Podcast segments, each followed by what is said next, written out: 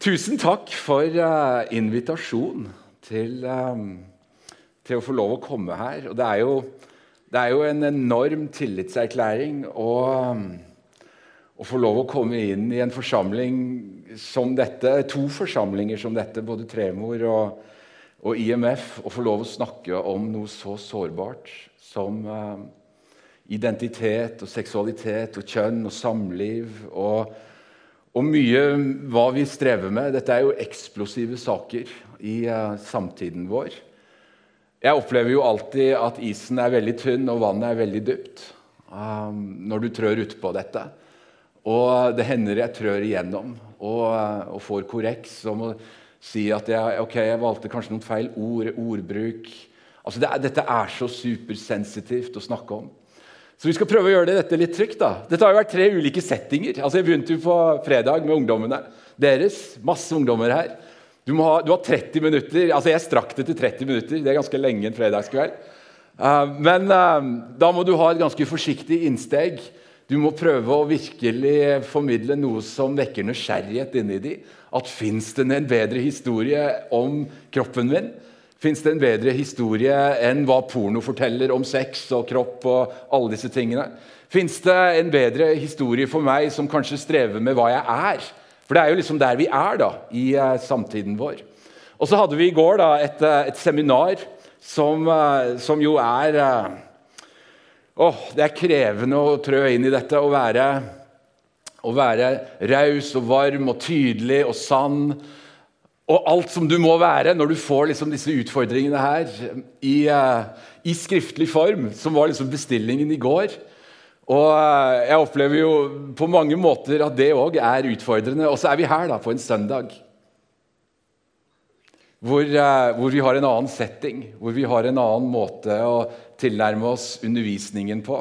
Og Da har jeg lyst til å, lyst til å bare gjøre en litt sånn retorisk grep som jeg òg gjorde i går. sånn at vi vi får med oss alt, for dette handler ikke om noen der ute eller noen her inne som føler det, eller hva det nå skal være.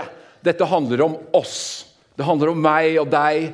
Uansett hva du måtte streve med, hva du måtte føle, hva du måtte ha gjort eller blitt påført eller påført deg selv, hvilke tanker du har. Og alle disse liksom ulike tingene som berører dette som er krevende. Så um, hvis, vi, hvis, vi, hopper fram uh, til dette, da. Hva du tenker om seksualitet, begynner med hva du tror om Gud. Ok, da er vi i samme båt, da, alle sammen. Absolutt alle sammen. Så er vi i samme Vi er i samme båt, og det er vi allikevel, uansett. For dette handler om hvordan vi skal håndtere livet. Dette handler om hvordan vi skal håndtere relasjonene våre. Dette handler om hvordan vi skal håndtere kirkene våre, lederskapene våre. Dette handler om hva skal vi formidle til ungdommene våre da, og barna våre. Og vi må, virkelig, altså, vi må virkelig legge hjertene våre i bløt nå for denne gjengen på Tweens, hvor de skulle snakke om noe som var krevende å snakke om. Ikke sant? De klarte ikke engang å si det fra scenen. Det er såpass krevende! Det er det! Det er såpass krevende, og det er et helt annet ballspill der enn det her. Det er et helt annet ballspill. Det er langt mer krevende, det som de gjør der oppe, enn det som skal skje her. Fordi at dette er så nært, og det er så sårbart, og ord betyr så mye. Når vi trør inn på dette som handler om hva vi føler, hva vi er, hva vi tenker, og hva vi på mange måter har blitt disippelgjort i. Det jeg har oppe her, da, det er jo eh, liksom Den første teksten her oppe er jo nydelig og varm. og Hva tenker du om Gud? Og Vi kan si mye om Gud og hans eksistens og hans kjærlighet, hans varme, hans omsorg og hva Gud som menneske gjorde, og hvordan han trødde inn i livet til mennesker på sårbare områder med varsomhet, med forsiktighet, med respekt og verdighet, men med sannhet som virkelig satte de fri. Johannes 4 er jo et av disse eksemplene hvor han samtaler med denne kvinnen. Han trør midt inn i det vanskeligste i livet hennes. Og Det er så mange ulike elementer. Det som ligger under her, da, alle disse ulike digitale plattformene som disippelgjør samfunnet vårt og pusher og skriker og roper et helt annen historie. Og den historien er ikke spesielt god. Den er med andre ord spesielt dårlig. Altså, Den er rett og slett heselig og skrekkelig. For den setter mennesket i sentrum, og den sier 'bare prøv deg fram', bare lek med alt du vil, så lenge alle er enige, så går det bra. Og så kan vi bare liksom gå inn og lese Ung datatall i dag og lese ut år etter år. Hvordan har unge mennesker det i dag? De har det ikke bra. De, har, de strever. Og Jeg møter jo dette ute i møte med unge mennesker. Jeg møter dette i samtaler. Vi ser det i ulike nyanser i samfunnet våre. Vi ser det på TikTok. Vi ser det på YouTube. Alt dette her er liksom noe vi har kunnskap om. Men hvordan skal du og jeg formidle en bedre historie? For det er jo det, som, det, er jo det vi har, da. Altså gode nyheter, evangeliet, godt nytt. Og Det er jo, det er jo her vi, vi, på alle måter trenger å forankre inn noe som pløyer inn på dypet av hva vi er. Inn på dypet av hva vi er, og hvorfor vi er. Og meningen med oss, og hva vi er skapt til, og hva vi er skapt for. Og da har Jeg lyst til å begynne, jeg har to ulike innganger. Og Søndagens tekst i dag er ikke så langt vekke. Den er ikke så langt vekke, og Vi, skal, vi kommer litt borti den, og jeg var veldig glad at den ble lest opp. Og det er, jo, det er jo noe med å forankre det inn der det hører til. Og Det har vi starta med både på fredag og det gjorde vi i går, og det skal vi virkelig lande godt i dag. Og Her står det i brevbrevet 11,3.: I tro forstår vi at verden er skapt ved Guds ord, og at det vi ser, har sitt opphav i det usynlige. Og Når jeg utfordrer mennesker, og særlig i stor grad unge mennesker, som sitter og hører på meg på et seminar eller en undervisning eller hva det nå skal være, i en samtalegruppe, så utfordrer jeg dem til å se på hverandre. Og så utfordrer jeg dem på hva som står her. Her kan du velge å tro at det du ser, har sitt opphav i det usynlige. At det er noe med oss i vår kroppslige form som er forankra inn i Guds hjerte. Og Det er jo ned på dette dypet vi er nødt for å begynne å snakke om når vi skal snakke om kjønn og identitet og seksualitet og tiltrekning og alle disse tingene som er så krevende fordi at det er så nært oss, og det berører oss. Og det har noe med selvbildet, har noe med selvverdigheten vår å gjøre. Plutselig så er menneskeverdet vårt liksom her ute og flyter. Men vi må forankre hva vi er, i tro. I tro. Og vi må ta dette som er ifra det usynlige, og så tar vi det inn i den synlige verden som vi, du og jeg lever i, og så må vi gjøre det synlig. Og Det opplever jo jeg i mye av det jeg gjør i møte med mennesker som strever, som har det vanskelig, som har utfordringer knytta til om det er biologien sin eller seksualiteten sin eller troen sin så opplever jeg jo, hvis jeg tar noe av dette usynlige og gjør det synlig i form av medmenneskelighet, i form av verdighet, i form av respekt og ydmykhet, i form av sannhet og ærlighet, å være transparent på at vi alle er i et desperat behov for frelse. Uansett hva vi måtte kjenne på, så skjer det noe i mennesker. Jeg har brukt noen av de eksemplene denne helgen. Men det er, liksom, det er, ting, det er et vers til da, jeg har lyst til å dra med i denne sammenhengen. og her står det. Men det står skrevet Det intet øye så og intet øre hørte. Det som ikke kom opp i noe menneskehjerte, det som Gud har gjort ferdig for dem som elsker ham, det har Gud åpenbart for oss ved sin ånd. For ånden utforsker alle ting, også dybdene i Gud. Og Det er spennende når vi snakker om mennesket, skapt i Guds bilde, med hva vi er som mann og kvinne. Og at Ånden på en eller annen måte kan overbevise oss til å utforske dybdene i Gud. Det er derfor jeg liker å undervise om kroppen som en bærer av både mening og sannhet. Og hvorfor kroppen vår svarer godt på mange av disse vanskelige spørsmålene. Og at kroppen vår på alle måter forteller oss så mye om hvem som skapte oss. Og Det er derfor vi har begynt å skrape litt på overflaten av dette som pave Johannes Paul 2. kalte for kroppens teologi. Han var beinradikal og omtalte til og med kroppen som det femte evangelium. Fordi at kroppen forteller så mye om hva vår skaper er, hva han har gjort, og hva han har lagt ned i oss.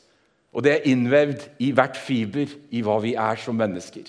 Og hvis vi tør å gå inn i de områdene der, så er det et eller annet som skjer med disse nydelige versene, at dybdene i Gud begynner å åpenbare seg. De begynner å bli synlige, og vi tar det usynlige, og vi gjør det synlig. Noe av det mest utrolige jeg opplever i hva jeg jobber med, hva jeg møter, det er jo å se mennesker bli født på ny. Og det vet jo alle vi som har stått i tjeneste eller vært med i forbønnsteam eller har vært i kirke i mange år. Men å se mennesker bli født på ny, det er helt fantastisk. Men når jeg ser mennesker bli født på ny, som gjerne har vært i total avvik av hva, hva de er blitt skapt som, som mann eller kvinne, og de tar inn over seg sin identitet som menneske, sønn eller datter av Gud, og de blir født på ny, og de omfavner dette. Og de gjerne står der med de skadene de har blitt påført, med den stemmeleie som er blitt senka, eller de ulike kirurgiske inngrepene som de har tatt. Og du skjønner, Vi kommer til å se mange av disse menneskene bli født på ny. Og du må bare glede deg, for det er et utrolig syn. Og det usynlige, det blir synlig. Og Da begynner vi virkelig å skjønne hvor radikalt dette budskapet vi bærer med oss. Vi begynner å skjønne dybden av hva vi har bekjent sammen i dag. Vår tro. Vi begynner å pløye inn i mange av disse lovsangene som vi kan og kjenner. Men vi begynner å ta og grave i dybden av hva vi faktisk uttaler. Dette er utrolig radikale saker når vi først begynner å ta i det. Dette handler ikke om konverteringsterapi eller argumenter eller overbevisninger som bare spinner her oppe i hodet vårt. Dette handler om dypet av hva vi er. Som ønsket, elsket og villet av en Gud som er god. Som de skulle snakke om på den der gjengen som lager sikkert så mye lyd at de må helt ned på Danielsen. Det var det de skulle bli fortalt i all sin kreativitet og energi. Og da, da, er det sånn da, Når vi skal begynne å nøste i dette, så må vi på en eller annen måte skjønne hvor skal vi gå. Hvor skal vi hente vår kunnskap? Hvordan skal vi koble hodet vårt sammen med hjertet vårt og la vår ånd leve midt i dette? Sånn at både hodet vårt henger med, tankene våre, og vi tar inn, innover oss vår ånd, som er en del av oss. For vi er ånd, og vi er sjel, og vi er legeme, og vi er ment å henge sammen. Og Det som skjer i dag, er jo denne dualistiske tilnærmingen til mennesket, hvor det blir splitta, det blir revet fra hverandre. Og det er ikke meningen for mennesket. For vi er skapt for å henge sammen. Og det er nettopp derfor vi er skapt i hans bilde. Til å speile og reflektere hvem han er, hva han er, hvorfor han er. Og når jeg trør inn i vanskelige samtaler, så er det det jeg har på pannebrasken min. Alexis, du har én oppgave i denne samtalen, i dette menneskemøtet. Og det er å speile min skaper. Og det er krevende for meg. Det er utfordrende for meg, for jeg er en håndfull. Jeg er direkte, og jeg er rett fram. Jeg kan trø og trø inn uvarsomt. Derfor er dette en øvelse som vi trenger å gå sammen i. Både som kirker og menigheter, og vi trenger hverandre. Vi trenger de ulike egenskapene de ulike personlighetene, det ulike tonen på stemmeleie. Hvis volumet på min stemme skal reflektere smerten jeg er villig til å lytte til Dette er ut ifra en forfatter som heter Preston Sprinkle, som jeg har lest en del av. Som har lytta mye inn i livet til mennesker innenfor LHBT pluss-kategorien. Så tenker jeg på alle måter at vi eh, i stor grad skal ha et dempa volum. For her er smerten dyp, og det må vi ta inn over oss. Og det må vi anerkjenne. Men eh, la oss begynne med denne forankringen, da. Men vi må ha noen ting, klare, ting klart for oss. For å se den røde tråden som går gjennom denne Bibelen, som vi nå har 17 minutter på å tra opp, så, ehm, så, må vi ha noen ting klart for oss. Og Dette har blitt veldig klart gjennom dette prosjektet som uh, jeg har vært utrolig privilegert å få lov å være med i sammen med NLM og IMF og Nordmisjon og ungdomsorganisasjonene og laget og Ungdom i oppdrag. Hvor vi har sett noen sånne klare skiller. Hva er det som virkelig skiller oss? For det ble jo mye bråk når vi lanserte nettsida Identitet og seksualitet. Og det visste vi jo, og det forventa vi jo. Men det som kanskje har vært mye av lærdommen, det er jo kanskje disse tre tingene her. Det handler om bibelsyn og bibelbruk. Og det er viktig å gjøre seg opp noen tanker om dette. Ser jeg på Bibelen som en bok med autoritet? Og hvordan skal jeg tolke Bibelen? Hvordan skal vi bruke de ulike fortolkningsnøklene som ligger til grunn for hva vi tror? Er det som er sagt i Det gamle testamentet og gjentatt i Det nye testamentet, er det gyldig? Hva er det som er kulturelt betinga? Hva er det som ikke er kulturelt betinga? Her er det store spørsmål. Grav i det, og gjør deg opp noen tanker om det. For her, det, noen, her det skaper noen store skiller. Det å ha en kjerneforståelse av kristendom Jeg er i et desperat behov for frelse. Det er for meg min enkle tilnærming av kjerneforståelse av kristendom. Tenk over disse spørsmålene. I dag ser vi at erfaring er i ferd med å bli den høyeste autoritet. Den trumfer tekstene. Tenk over det. Er min smerte, min lengsel, min sorg, mitt traume, mine følelser Trumfer det hva Guds ord sier igjen og igjen? Trumfer det den røde tråden som jeg mener er veldig synlig gjennom hele Bibelen, Guds ord? Dette er krevende spørsmål, fordi vi skal på ingen måte skyve vekk vår erfaring. For din erfaring og min erfaring er viktig. Men hva gjør vi med den? Hvor plasserer vi den?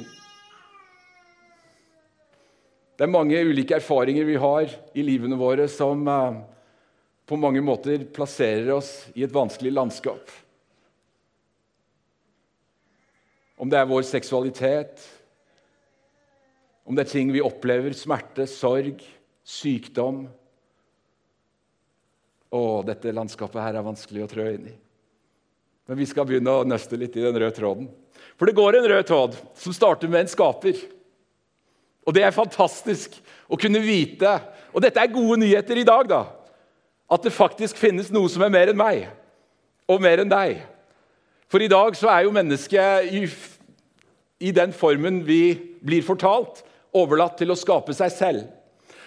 Gud er ikke et produkt av menneskets fantasi.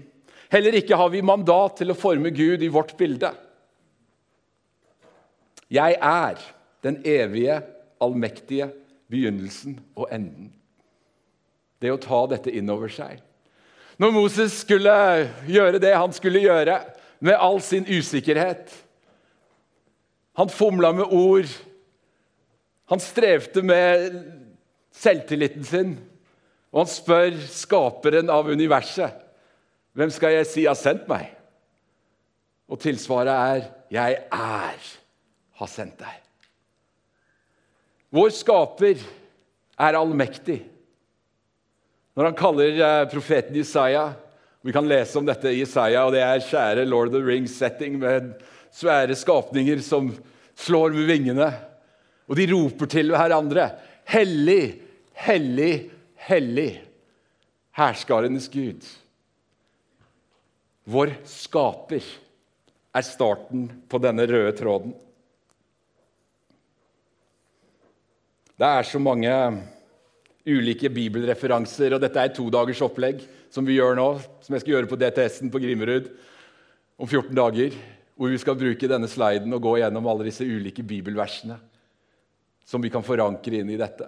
Jeg tar et eksempel fra Salmene er jo full av hvem Gud er.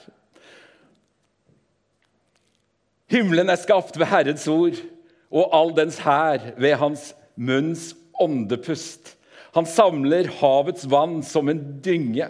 Han legger de dype vann i forrådshuset.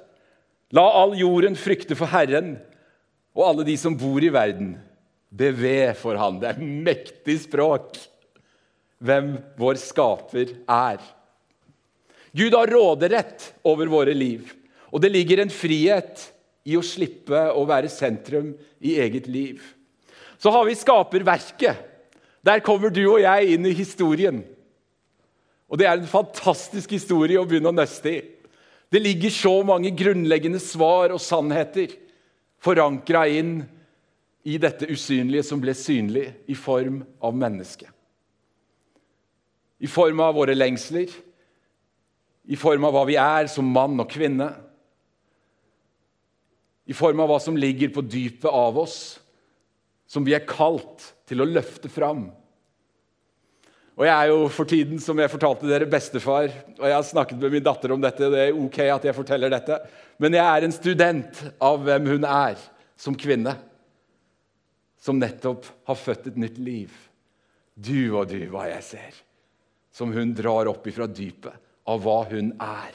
Ting jeg aldri har sett før. Hun har vært en beintøff jente med skrubbsår på knærne og har vokst opp med hjernerystelser og alt som hører til. Jenter som liker å være på skauen. Men nå ser jeg noe av det mykeste, mest sensitive, mest varsomme.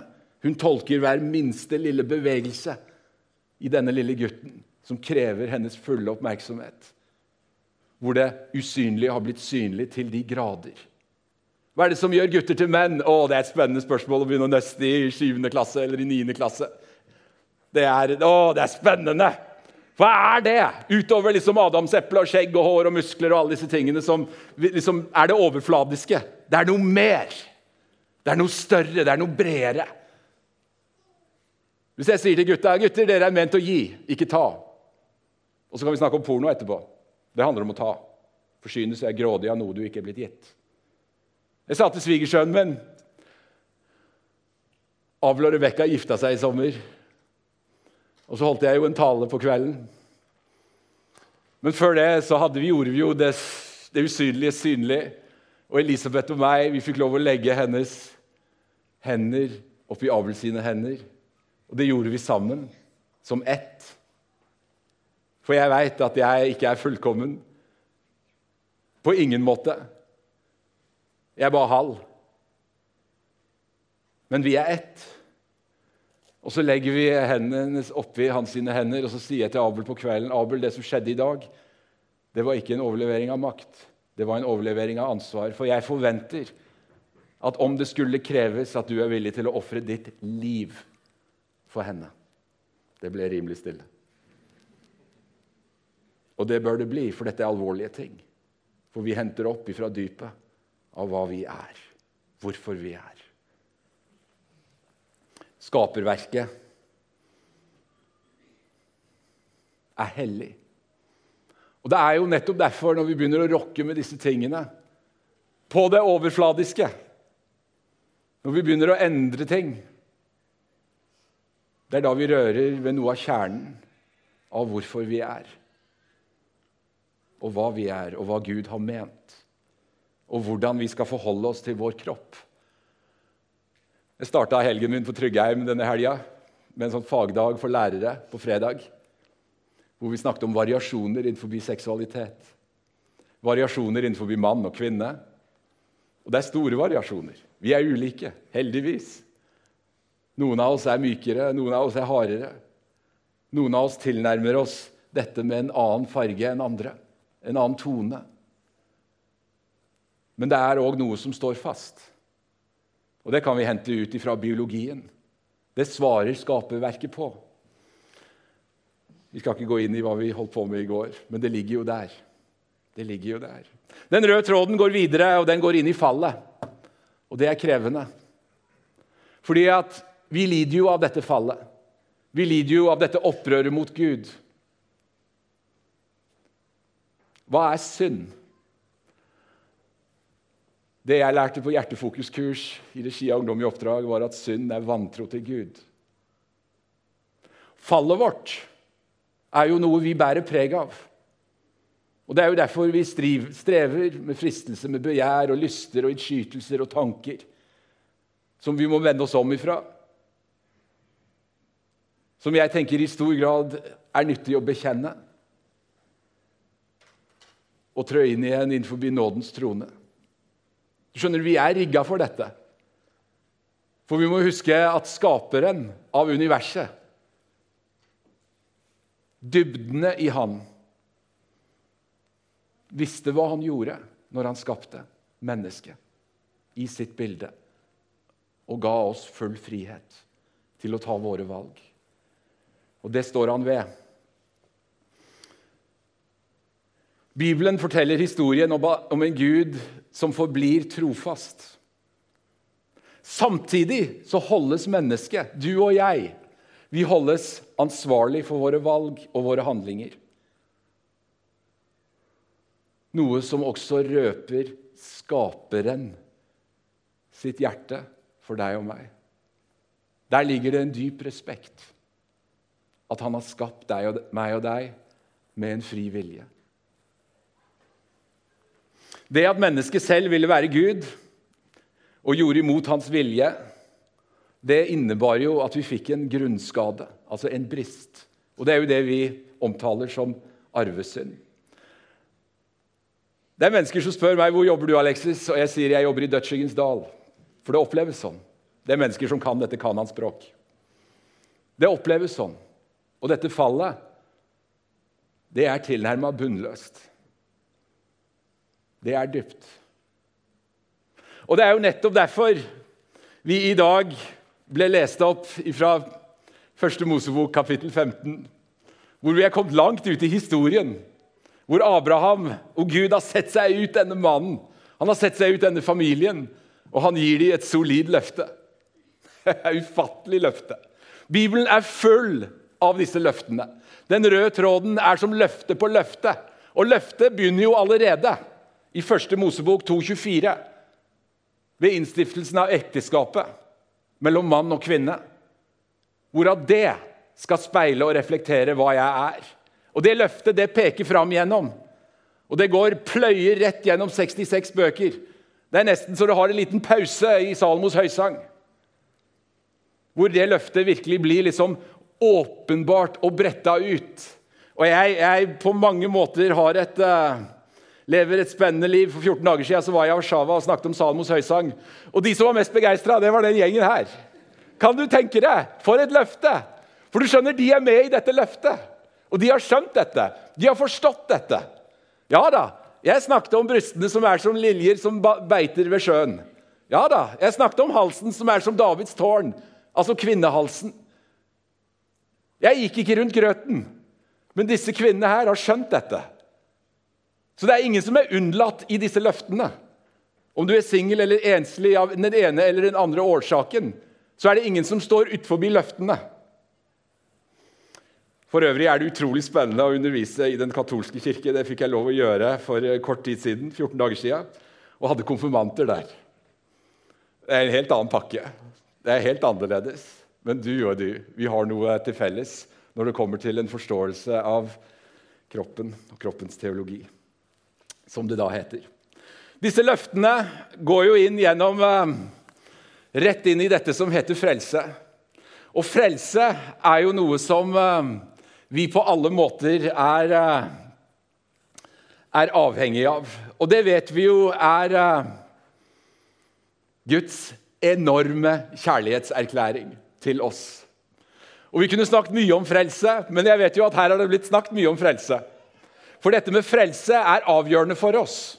Å trø innenfor og bli født på ny. Og Når vi kommer inn i denne frelsen, så ligger jo òg gjenopprettelsen. Men det er jo ikke sånn da, at vi ikke tåler eller har smerte. Og det å vite at vi har en plass der framme som heter gjenopprettelse, det er en del av denne røde tråden. Og Når vi på en eller annen måte her går gjennom disse 66 bøkene, ufattelig forenkla, så er dette dybden. Dette er dybden i hvordan vi kan svare på mange av disse vanskelige spørsmålene som handler om kropp, identitet, seksualitet, kjønn og samliv. Når vi først våger å pløye inn i alle disse ulike elementene og se hva er det som faktisk står her, og vi begynner å male det store bildet. Det store bildet som handler om en mann og en kvinne som ble skapt i Guds bilde. Som starter der, og som starter på nytt igjen. I Johannes' åpenbaring 21 og 22, som ligner forunderlig mye på første Mosebok, kapittel 1 og 2. Hvor det snakkes om en brud og en brudgom. Hvor du og jeg er invitert inn i denne sammenhengen. Inn i dette fellesskapet, inn i denne nærheten. Hvorav ekteskapet og seksualiteten og enheten og de to skal bli ett, er et bilde på noe som er så stort, og som er så mektig. Og ut ifra hvordan jeg jobber med dette og trør inn i dette, så er dette, dette, dette verset her i ferd med å bli noe av det mest radikale jeg tar borti. For her ligger dybden i starten og starten. Det er en mening, og vi spør etter mening. Hvorfor skal jeg tro dette når jeg føler dette? Hva er meningen? Og det ligger dyp mening i at mannen skal forlate sin far og sin mor. Den naturlige settingen. Han skal holde fast ved sin kvinne, og de to skal være én kropp. Og imellom alle disse ordene, mellom disse setningene, så ligger denne røde tråden, så ligger denne dybden av hva jeg håper har klart å gi en liten nyanse av, kanskje pirre av noe nysgjerrighet. Hvis du ønsker å gå dypere inn i denne tematikken, hvis denne sliden på en eller annen måte trigga en nysgjerrighet, så vil jeg anbefale deg å gå inn på Helt Fri og laste ned et PDF-dokument som både NLM og IMF har vært med å lage, som heter 'En bedre historie'. Hvor vi virkelig har prøvd å skrive ut dette. Hvor det er bibelreferanser, hvor det er dybde. Og vi har etterstrevd å sette sammen det store bildet. Det er en ungdomsleder som heter Ashley Blunt, som jobber borte i England. Hun er tiltrukket av det samme kjønn. Og Jeg lytter mye til en podkast hun er med å bidra inn i. 'Living Out' heter den. Og hun sier Kjære kristne, streite ungdomsleder. Snakk frimodig om seksualitet, men fortell for all del hele historien. Hele bredden av historien. Og hele denne historien ja, den er jo forankra inn i skaperverket. I første Mosebok, kapittel 1, vers 24. Hvor ekteskapet blir innstifta. Jeg håper jo på mange måter at en sånn eh, preken som dette skal kunne løse ut noen samtaler, noen refleksjoner. At jeg har pekt deg i en eller annen retning hvor det faktisk er mulig å finne noen svar. Jeg har lyst til å be for dere til slutt. Og jeg tenker vi skal reise oss. Og jeg vil oppfordre og oppmuntre deg til å prøve å være åpen. Prøv å la Gud snakke inn i tankene dine, inn i hjertet ditt, og gi deg fred. Gi deg fred på dette området av livet. Jeg takker deg, far, for hvem du er. Takker deg, Gud, at du er hellig, hellig, hellig. Jeg ber, far, for både Tremorkirken og Forum Straume, at du virkelig skal inspirere alle som kommer her. Alle som er innom, alle som er nysgjerrige til å lære mer om dybden av hva du er. Og jeg ber, far, i ditt himmelske, allmektige, hellige navn, at du møter mennesker midt i livet der de er, i sin smerte, i sin fortvilelse, med sine spørsmål, med sin sorg og med sin lengsel. Slik som du modellerte gang på gang på gang. Hvor du dro mennesker til deg. Fordi du visste hva som bodde på dypet av dem. På tross av erfaringer, følelser og lengsler. Det ber jeg om i ditt himmelske navn. Velsign lederskap. Velsign barnearbeid. Velsign familiene og foreldrene, besteforeldrene, tantene, onklene og alle som står i relasjon Velsign fellesskapet. Amen.